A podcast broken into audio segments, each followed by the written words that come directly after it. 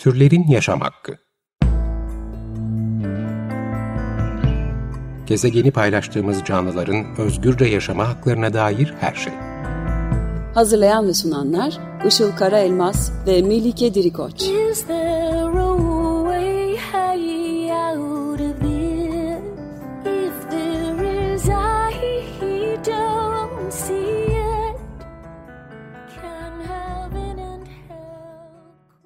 Merhabalar, 95.0 Açık Radyo'da Türlerin Yaşam Hakkı programı başladı. Ben Melike Dirikoç. Merhabalar, ben de Işıl Karaelmaz. Teknik Masa'da Selahattin Çolak'la birlikte kayıt alıyoruz. Bu haftaki destekçimiz Caner Can Türkiye. Teşekkür ederek başlayalım. Geçtiğimiz haftada sosyal medyada çok sık paylaşılan bir e, video üstünden hayvan deneylerini konuşacağız bugün. Save Ralph etiketiyle paylaşıldı bu video. Aslında Humane Society International adlı hayvan hakları kuruluşunun desteğiyle yapılmış bir animasyon kısa film bu. Adı da Save Ralph yani Ralph'i kurtar. Ralph bir tavşan ama esaret altındaki bir deney tavşanı ve onun ağzından kendi hayatını dinliyoruz bu filmde. Bir gözü görmüyor, bir kulağı sürekli çınlıyor ve de vücudunda bu deneylerle oluşmuş olan kalıcı yaralar var.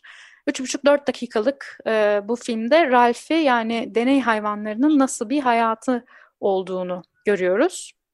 Bu video geçtiğimiz hafta Türkiye'de büyük yankı uyandırdı. Biz de e, Türkiye'de hayvan deneyleri konusunu yeniden konuşmak istedik bu hafta. İki konuğumuz var. Geçtiğimiz sene de e, çıkardıkları hayvan deneyleri, Hayvanlar Bizim İçin Mi Var kitabı hakkında konuşmak için konuk almıştık onları. Deneye Hayır Derneği'nden Yağmur Özgür Güven ve Doktor Oğuzcan Kınıkoğlu konuklarımız bugün. Hoş geldiniz. Hoş, geldiniz. Merhaba, hoş bulduk. E, Ralph videosunun viral olmasıyla sosyal medyada herkes tabii e, cruelty free yani zulümsüz olan ve olmayan markaları, ürünleri paylaşmaya başladı. Şuradan gireyim. Öncelikle sizce neden Türkiye'de bu kadar viral oldu bu video? Ben bunu hem e, aslında o çalışmanın sanatsal değerine e, hem de ele alınan konunun e, kozmetik gibi bizim için hayatımızın çok içinde olan ama çok da hayatı olmayan bir şey olmasına bağlıyorum açıkçası. Video ile ilgili yapılan e, paylaşım ve yorumlara bakarsanız herkes Ralph'e büyük bir haksızlık, kötülük yapıldığını, yaptığımızı düşünüyor. Ve neredeyse karşıt görüşte yorumlar yok gibi. E, eğer Ralph kozmetik ürünleri için değil de misal COVID-19 aşısı geliştiren bir laboratuvarda gene aynı şekilde kullanılıyor olsaydı böyle olur muydu? E, açıkçası emin değilim. Ee, bizim için hayati olan şeyler konusunda çok daha hassas hatta bazen de e, saldırgan olabiliyoruz çünkü. Ama evet yarattığı etki açısından e, belirli bir alanda olsa gene hayvan deneylerine gündeme taşıdı diyebiliriz. Evet, ben de katılıyorum Yağmur'un söylediklerinden. Bir iki ekleme yapmak da istiyorum bu konuda. Ee, insanlar e, aynı Yağmur'un söylediği gibi kendilerinin e, vazgeçebileceği bir konu buldular sanırım ve bu şekilde e, hayvan deneylerine karşı olduklarını gösterdiler ve bu da aslında onların ne kadar hayvansever olduklarını ispatlayan bir şey oldu. Çünkü vazgeçmesi e, kolay ve diğer insanları da e, eleştirme haklarını buldular kendilerinde. Kozmetikte e, deneyli ürün kullanan insanları eleştirmekte. E, tabii insanları eleştirince de ne oluyor? Sanki siz o konuyu daha iyi biliyorsunuz ve o konuda e, diğer insanları eleştirerek e, diğer insanlara göre çok daha iyi bir pozisyon elde etmiş oluyorsunuz. E, sanırım Ralph e, insanlara bunu sağladı. E, diğer insanlar birbirlerine karşı e, bir grup insan çok daha hayvansever olduğunu bu şekilde e, kendilerince ispatlamış oldular. Ee, evet ve tabii ki sorular ve konu gündeme gelince bazı hmm, kafa karıştırıcı bilgiler de dolanıyor ortalıkta. Ee, peki Türkiye'de kozmetik ürünlerin yani sadece kozmetik alanındaki e, ürünlerin e, deneyleri yasak diyebiliyoruz. Ama bir yandan da Türkiye'de satılan tüm kozmetiklerin e, zulümsüz, işte cruelty free olarak bilinen e, şekilde olmadığını da biliyoruz. E, peki bu ne anlama geliyor? Onu e, biraz aydınlatabilir misiniz? Ee, şimdi bizim zaten e, 25823 sayılı bir kozmetik yönetmeliğimiz vardı. Ve e, bu Avrupa Birliği müktesebatına uyum kapsamında Avrupa Komisyonu'nun işte kozmetik regülasyonu çerçevesinde e, kozmetik ürünlerin insan sağlığına zarar vermeyecek şekilde üretilmesine dair bir takım düzenlemeler yapıldı. Ve bizim bu mevcut kozmetik yönetmeliğimizde 2015'te çıkan değişiklik yapılmasına dair bu yeni yönetmelikte 2015'te yayınlandı ve yürürlüğe girdi. Şimdi bu 2015'te yayınlanan yönetmeliğin üzerine bir de yönetmeliğe ek maddeler eklendi ve hatta 2016'da da bu revize edildi.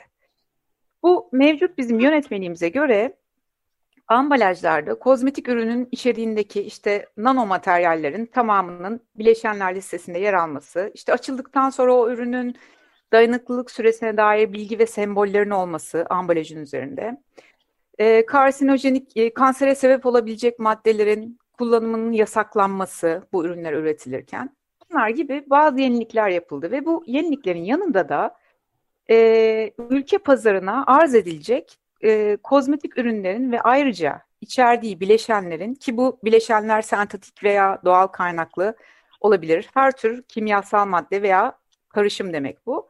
Bu bileşenlerin hayvanlar üzerinde test edilmemiş olma şartı da getirildi. Tüm bu düzenlemelerin sonucunda alternatif bir yöntemin validasyonu e, ve kabul edilmesinin ardından söz konusu alternatif yöntem dışında hayvan deneylerine tabi tutulan bitmiş kozmetik ürünlerin piyasaya arzı yasaklandı. Ve aynı e, Avrupa Birliği'ndeki gibi sadece bitmiş ürün de değil. Ürünlerdeki içerik ya da bu içeriklerin kombinasyonlarının da testi yasaklandı aynı zamanda. Dolayısıyla bu önemli bir kısıtlamaydı. Şimdi şu soru hep geliyor. İşte kozmetik ürün denilince sadece ruj, far, far parfüm, rimel mi var? Bunun da tanımı mevzuatta çok açık şekilde yapılmış. Kozmetik ürün tanımının kapsamı şu. İnsan vücudunun işte deri, tırnaklar, e, kıllar, saçlar, e, dudaklar, genital organlar gibi dış kısımlarına, e, bunun yanında dişlere ve ağız mukozasına e, uygulamak için uygulanmak üzere hazırlanmış. İşte amacı bu kısımları temizlemek, e, rengini değiştirmek, koku vermek, işte görünümünü değiştirmek veya düzeltmek ya da korumak olan bütün preparat ya da maddeler olarak geçiyor. Şimdi biz bundan neyi anlıyoruz? Yani ağız bakım ürünleri, diş beyazlatma ya da temizleme ürünleri de bu kapsamda. Bu anlaşılıyor.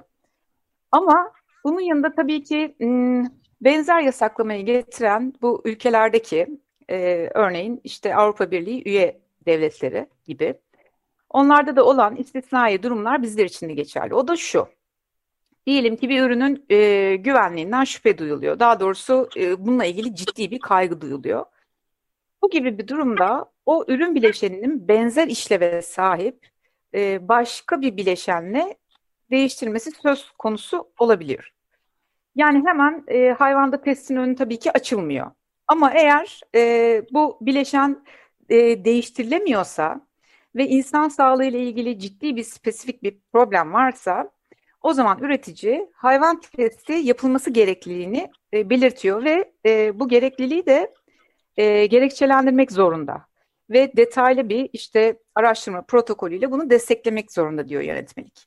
Bu bir mesela istisnai duruma bir örnek. Yani aslında özetlemek gerekirse ülkemizde e, şu an için piyasaya arz edilen kozmetik ürünlerin hiçbiri hayvanlar üstüne test edilemiyor. Ee, evet, e, bu anlamda insanlar işte nasıl bunu anlayacağız diye soruyor. Aslında bir yandan sadece cruelty free yani zulümsüz e, olması da yeterli olmuyor. Bir yandan da tabii vegan olması da hayvan sömürüsü açısından önemli. Ee, bir ürünün, bir kozmetik ürünün e, diyelim ki vegan ve e, hayvanlar üzerinde denenmemiş olduğunu en iyi nasıl anlayabiliriz sizce? Yani şimdi yerli ürünse zaten dediğim e, kanunlar geçerli. İthal ürünse gene dediğim kanunlar geçerli. Ancak tabii ki devreye şu e, şöyle şeyler giriyor. İşte bu marka Çin'de, Çin ana karada fiziksel satış yapıyor mu yapmıyor mu?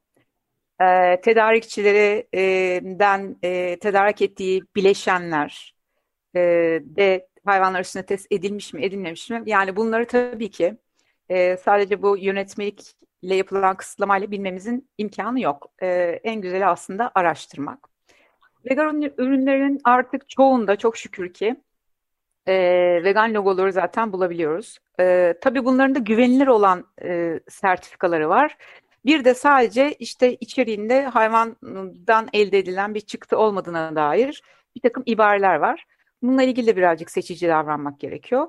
Ama en sağlamı hem bir vegan e, güvenilir bir vegan sertifikası hem de güvenilir bir deneysizlik sertifikası ya da logosuna sahip olduğunu bilmek bu ürünlerin. Evet yani ikisine de ayrı ayrı bakmak herhalde en garantisi. Yani sadece vegan logosu olunca onu otomatikman e, zulümsüz olduğu anlamına gelmeyebiliyor galiba bazen değil mi? Evet, aynen öyle. Birazcık aslında o ibareler birazcık kötüye kullanıyor diyebiliriz. Hı hı. Evet. Peki e, bu kozmetik ürünler ve bileşenleri Türkiye'de ve işte bu bazı ülkelerde hayvanlar üstüne test edilmiyor dedin. Eğer edilmiyorsa nasıl test ediliyor peki bunun alternatif yöntemi nedir? Şimdi şu an için 40 ülke ve bazı eyaletlerde, Amerika'daki bazı eyaletlerde, 3 eyalette test edilmiyor. Buna alternatif yöntemler var. Bu hayvan test yerine kullanılacak e, alternatif yöntemlerde ayrıca bu biraz önce bahsettiğim yönetmeliğin ardından yayınlanan bir kılavuz var. Bu kılavuzda detaylı şekilde listelenmiş. E, bu listeye de daha önce Oğuz'la birlikte bakmış, incelemiştik zaten. Tabii bu burada verilen bilgiler hayli teknik ama anlaşılır şekilde çok kısa özetlemeye çalışayım. E, kılavuzda akut oral toksisite yani zehirlilik testi var mesela. Onun yerine e, üç alternatif yöntem önerilmiş. Ya da işte başka bir örnek. Tabii bu dediklerimin hepsi kozmetik ürünler için geçerli. Başka bir örnek işte deri iritasyon tahriş testi için diyelim ki bir krem için yapılacak. Hayvan yerine işte valide edilmiş, onaylanmış bu üç test yönteminden birini kullanmasın, kullanmalısın diyor e, bu metinde. Ve alt alta işte A, B, C diye seçenekler sunulmuş. E, mesela bu deri iritasyon testi için seçeneklerden bir tanesi epiderm adlı yöntem. E, bu insan dokuları sağlayan bir firmanın patent, e, patentli bir e, test yöntemi bu. İşte diğeri bir diğeri B seçeneği Episkin firmasının patentli modeli ve üçüncüsü de Skin Ethic e, gene patentli bir test yöntemi. Şimdi bu Episkin e, yönteminin üstünde durmak istiyorum. Bu Episkin araştırmalarda hayvan yerine kullanılabilecek e, yeniden yapılandırılmış insan dokuları e, sağlayan bir firmanın yöntemi. Ve bu firmada doku mühendisliği konusunda dünyada lider. Gene çünkü e, doku mühendisliğinde öncülerden olan başka bir işte firmayı da son zamanlarda satın aldı ve birleştiler ve hakikaten şu anda bir tekel durumunda. Bu Episkin e, kozmetik ilaç ve kimya endüstrilerinde e, ürünlerin güven, güvenlilik ve verimlilik değerlendirmesi için in vitro modeller sunuyor, hayvansız modeller sunuyor. E, ve bazı e, tarama test yöntemleri hala hazırda e, validasyonu yapılmış hatta yasal metinlerde e, referans olarak yani bir marka ismi değil de bir test yöntemi olarak geçiyor. Şimdi bunlara örnek mesela yeniden yapılandırmış insan e, epidermisi yöntemi var, üst deri yöntemi var. İşte alt e, deriye ait, alt dokulara ait yöntemler var.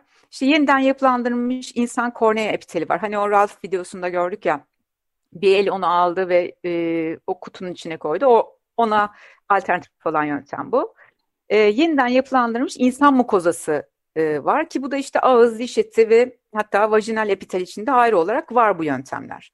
Ve bu modellerin tümü diyelim ki kozmetik ham maddesi olsun ya da aktif bileşen olsun veya hatta bitmiş ürün olsun. E, bu kozmetik ürün sıvı da olsa, toz da olsa, krem de, jel de olsa hepsinin testi bu yöntemlerle yapılabiliyor. Hatta ürün ya da o maddeden çok çok az miktarlarda kullanmak test içinde yeterli oluyor. Dolayısıyla bu üreticiler için içinde aslında hem, gü hem güvenli hem de daha pratik bir yöntem. Bu arada e, sadece kozmetik ürünler yani rimel, krem, parfüm olarak düşünmeyelim. E, çok sayıda test e, modelleri var artık günümüzde ve bunlar farmakoloji, toksikoloji, göz ve cilt iritasyonu, işte bakteriyel adezyon, e, DNA hasarı gibi pek çok araştırma konusunda bu yöntemler kullanılıyor. Yani görüldüğü gibi alternatif e, güvenli olarak kullanılan yöntemler ve test modellemeleri var. İşte örneğin o e, Ralph videosunda gördüğümüz biraz önceki sahne iyi düşünelim. İşte sabitleyiciye yerleştirip gözüne bir madde damlattılar test için ve çok canını yaktı Ralph'in. Bu test normalde Drace testi denilen ve 60-70 yıldır kullanılan standart bir yöntem. Tavşanlar üstünde yapılan. Ee, bunun yerine mesela konulan işte episkin korneal epitel testi gibi. Ülkemizde e, ve yasak getirmiş olan tüm ülkelerde RALF yerine bu Bu test yöntemi kullanılıyor. E, ve bu in vitro yani hayvansız modeller üreten firmalar her geçen gün daha yeni ve farklı modeller sunuyorlar. Ve hali hazırda da piyasaya sürebilecekleri bu e, yeni modellerin onaylanması için de bek, e, bekleme sürecinde olduklarını belirtiyorlar. Yani bundan da şunu anlıyoruz. Bundan bir 20-30 yıl sonra e, herhangi bir istisna yani olmaksızın sadece bu hayvansız test yöntemlerinden bahsediyor olacağız. Evet, umarız bir an önce e, hayvanlar yerine bu dediğimiz yöntemlere e, kavuşulur. Hı hı. E, peki Türkiye'de hayvanlar üzerinde deney yapan 119 kuruluş var diyorsunuz kitabınızda ve hem de sosyal medya hesabınızda. E, bunlar kozmetik alanında hayvanlar üzerinde deney yapmıyorsa hangi ana alanlarda e, deney yapıyorlar ve bunları hangi kurumlar fonluyor? Ee, bu soruya ben cevap vereyim. Burada e, evet 119 tane e, deney yapan merkez var ve e, bunlar çoğunlukla biyomedikal araştırmalarda kullanılıyor. Yani tıp fakültelerinde, veterinerlik fakültelerinde, biyoloji e, alanında e, işte e, yine ilaçların toksisitesinde e, onları görmek için, anlamak için yapılan testler oluşturuyor. Yani daha çok medikal e, testler yapılıyor. Üniversitelerde ve eğitim araştırma hastanelerinde e, özellikle olmak üzere. E, bunları genelde fonlayan üniversitenin kendileri oluyor. Üniversiteye başvuru yapılıyor çünkü e, araştırma sırasında ve üniversite e, araştırmacıya belirli bir e, miktar e, para veriyor, ücret veriyor. Ya araştırmacı kendi fonlayabilir, ya üniversite destek olabilir ya da işte TÜBİTAK başvurusu yapılıyor ve TÜBİTAK başvurusu sonucunda da e, yine kişilere, araştırmacılara e, fon veriliyor. E, tabii burada etik kurullar var. Bu etik kurullar da buradaki araştırmaları e, denetliyorlar ve bu araştırmalar e, etik kurallara uyuyor mu uymuyor mu diye e, bu araştırmacıların çalışmalarını bu şekilde e, değerlendiriyorlar. Evet onu da sormak istiyoruz. Bu e, hayvan deneylerini denetleyen etik kurullar neyi denetliyor aslında ve nasıl çalışıyorlar? Ya evet bir etik kurul diye bir şey var gerçekten ve neticede hayvanların e, aleyhine çalışan bir kurum bu ve içerisinde gerçekten e, geçtiğimiz haftalarda bir CİMER başvurusu yapmıştık ve bu e, hayvan deneyi yerel etik kurulları yani HADYEK'lerin içerisindeki e, bir sivil toplum kuruluşundan bir kişi gerekiyor ve bunların kim olduğunu üniversitelere sormuştuk HADYEK'lere ve çok enteresan e, cevaplar almıştık. E, işte aşevi üyelerinden tutun e, müteahhitler birliğine kadar e, enteresan e, hayvan haklarıyla alakası olmayan Hatta bu konuyla içli dışlı olmayan e, sivil toplum kuruluşlarının üyeleri de yer alıyordu burada. E, burada tabii ki e, çoğunlukla üniversiteler e, işlerin nasıl daha hızlı yürüyeceğine bakıyorlar sanırım. E, onlar için birisinin çıkıp da ya bu yaptığınız hiç doğru değil, hiç etik değil e, demesi işleri zorlaştırmaktan başka bir hale gelmeyecektir. E, şöyle oluyor, belirli bir madde ellerinde bir liste oluyor o HADYEK'teki e, kurul üyelerinin ve o araştırma başvurusundaki e, yazıya bakarak buradaki 20 tane 20 maddelik listeyi tutturup tutturamadıklarına bakıyorlar. Ama burada çarpıcı olan şeylerden birisi bence şu bu çalışma Amerika'da yapılmış ve bu uluslararası e, bir e, standartta olduğu için ülkemizde de bu aynı ve e, şuna bakıyorlar çalışmada e, Amerika'daki farklı üniversitelere e, farklı aynı çalışmalar gönderiliyor. Aynı çalışmalar farklı üniversitelere gönderiliyor ve oradaki e, kuruldaki üyelerin bu çalışmaları değerlendirmesi isteniyor. Ve çalışmanın sonucu çok e, e, çarpıcı ve e, şu çıkıyor. Bütün e, kuruldaki üyeler diğer üyelerden farklı yanıtlar veriyor. Yani e, çalışmanın sonucu da şuna bağlanıyor e, bu kuruldaki üyelerin verdiği cevaplar yazı tura atmaktan e, yazı tura atmaktan farksız. E, yani bir hayvanın deneylerde öldürülmesinin kararı verilirken etik şeyler, endişeler çok söz konusu değil. Çünkü zaten bir hayvanın, bir canlının, hissedebilen bir canlının aleyhinde karar vermek, onun çoğunlukla ölümüne sebep olacak prosedürlerin kabul edilmesinin zaten altta yatan herhangi bir etik ve ahlaki e, tarafının olduğunu düşünmüyorum. Çünkü e, deneyler sonucunda zaten bu hayvanların çoğunluğu ölüyor ve e, hepsinin sonucunda da e, bu hayvanların e, zararına olan prosedürler olmuş oluyor. Evet, e, bir de aynı zamanda deneylerden e, kurtarılan hayvanlara yuva bulan bir projeniz var. Latte ve Dostları projesi. E, bu nasıl e, çalışıyor bu proje ve bu hayvanlar nasıl kurtarılıyor, nasıl ailelerle buluşturuluyor? Biraz da bundan bahsedebilir misiniz? Ee, şimdi biz bu projeyi aslında pandemi öncesinde hazırlamıştık. Ee, güzel de dosyalandırmıştık ve bir e, tüm dünyada bu iş nasıl diye bir tarama da yapmıştık. Ama ne yazık ki pandeminin aramaya, araya girmesiyle e, her şeyde olan aksaklık bizim bu projede de yaşandı. Ve e, amacımız üniversitelere giderek tek tek görüşerek özellikle e, hayvan deneyleri yerel etik kurulu üye ya da başkanlarıyla görüşerek bu projeyi hayata geçirmek istiyorduk ama e, ne yazık ki bunu henüz başaramadık. Ama projenin e, temel amacını anlatmak gerekirse şu anda mevcut e, yönetmeliğimiz diyor ki bizim e, deneylerde kullanılmayacak ya da deneylerde evet kullanılmış fakat invaziv olmayan yani hayvanın sağlıklı şekilde yaşamına devam ettiği durumlarda çünkü biliyorsunuz bu deneylerde alıp hayvanların işte atıyorum 50 hayvanın hepsi e, kesilmiyor. Yani bazıları gözlem amacıyla kullanılıyor, bazıları üretiliyor ama deney yapmaya uygun olmadıkları düşünülüyor. Dolayısıyla bu hayvanlar, bu deneylerde e, kullanılmayan hayvanlar ya da deneyden sağ çıkmış hayvanlar e, eğer üzerlerinde herhangi küçük bir işlem yapılmış bile olsa başka bir çalışmada kullanmak o yapılacak ikinci çalışmanın sonuçlarını değiştireceği için bundan kaçınılıyor. Dolayısıyla bu hayvanlar iğneyle öldürülüyorlar ya da başka yöntemlerle. Biz bunun olmasını istemiyoruz.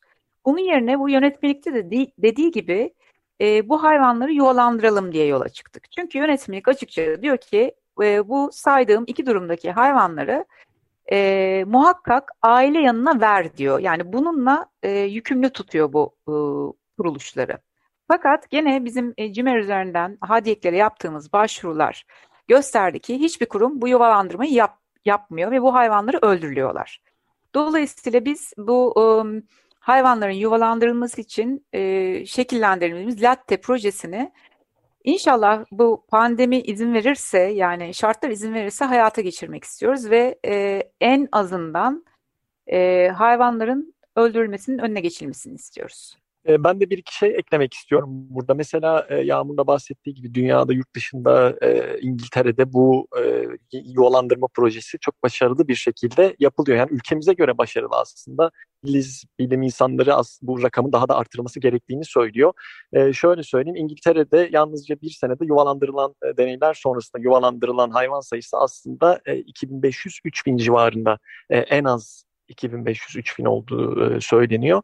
Bizim ülkemizde maalesef bu rakam sıfır. Biz de deney sonucunda hayatta kalan ya da hiç deneye girmeyen bu hayvanları yuvalandırabileceğimizi düşünüyoruz gerçekten. Bence evet. gerçekten çok iyi, güzel bir proje. Umarım hayata geçer en kısa zamanda. Çünkü hem o hayvanlar için ee, çok tabii ki de hayatlarına daha en azından sevgi dolu bir ortamda hayatlarını kalanını sürdürebilecekleri için önemli ama aynı zamanda da bu deneylerin yarattığı hasarı görünür kılacağı için. Çünkü Hı-hı. şu anda görmüyoruz. Yani şu anda gerçekten Ralph olmasa hakikaten de çıkıp e, onlara neler e, yapıldığını çok kapalı kapılar ardında olduğu için bilmiyoruz ne yazık ki. O yüzden gerçekten Hı-hı. umarım en kısa zamanda gerçekleşir proje. Umuyoruz, umuyoruz. Evet, e, Latte ve dostlarını da aynı zamanda Instagram'dan e, takip edebilirsiniz. E, ve yavaş yavaş kapatırken yine bir hatırlatma yapmakta da fayda var. E, hayvanlar tabii ki toplumda maalesef birey statüleri ellerinden alınmış olan bir grup e, ve bunu geri kazanmadıkça da maalesef e, aslında e, bu üzücü durumları tam olarak da engellememiz mümkün olmuyor. Yani hayvanlar hala yemek, giysi, nesne ve eşya statüsünde olduklarında maalesef deneylerden işte e, aslında başka çiftliklerde giysi olarak, yemek olarak ve birçok alanda da kullanılıp öldürülmeye devam ediyorlar. O yüzden de e, vegan ve türcülük karşıtı bir dünya düzeninde e, o düzene doğru gitmemiz de çok önemli bununla beraber. Evet programı kapatalım yavaş yavaş 95.0 Açık Radyo'da Türlerin Yaşam Hakkını dinlediniz. Bu hafta konuklarımız Deneye Hayır Derneği'ydi. Dernekten Yağmur Özgür Güven ve Doktor Oğuzcan Kınıkoğlu'yla Türkiye'de hayvan deneylerinin nasıl devam ettiğini ve nasıl işlediğini e, konuştuk. Çok teşekkürler katıldığınız için. Teşekkürler. Biz teşekkür ederiz. Ee, biz teşekkür ederiz. Bu arada hemen bir şey söyleyecektim. Hı-hı. Dünya Laboratuvardaki Hayvanlar Haftası bu hafta. Elbette bu haftanın kutlanacak bir tarafı yok ama dinleyicilerden ricamız, herkesten ricamız bu hafta laboratuvarlarda bilim adı altında işkence gören hayvanları herkese duyurmaları. Deney Hayır Derneği'ni e, Instagram ve Twitter üstünden de takip edebilirsiniz. E, muhtemelen bu konuda da paylaşımınız olur bu hafta. Türlerin yaşam hakkı ile ilgili öneri ve yorumlarınız için de e-mailimiz turlerinyasamhakkı@gmail.com. Dinlediğiniz için teşekkür ederiz. Haftaya görüşmek üzere. Teşekkürler, hoşçakalın. Türlerin yaşam hakkı. Gezegeni paylaştığımız canlıların özgürce yaşama haklarına dair her şey. Hazırlayan ve sunanlar Işıl Karaelmaz ve Melike Dirikoç. Is there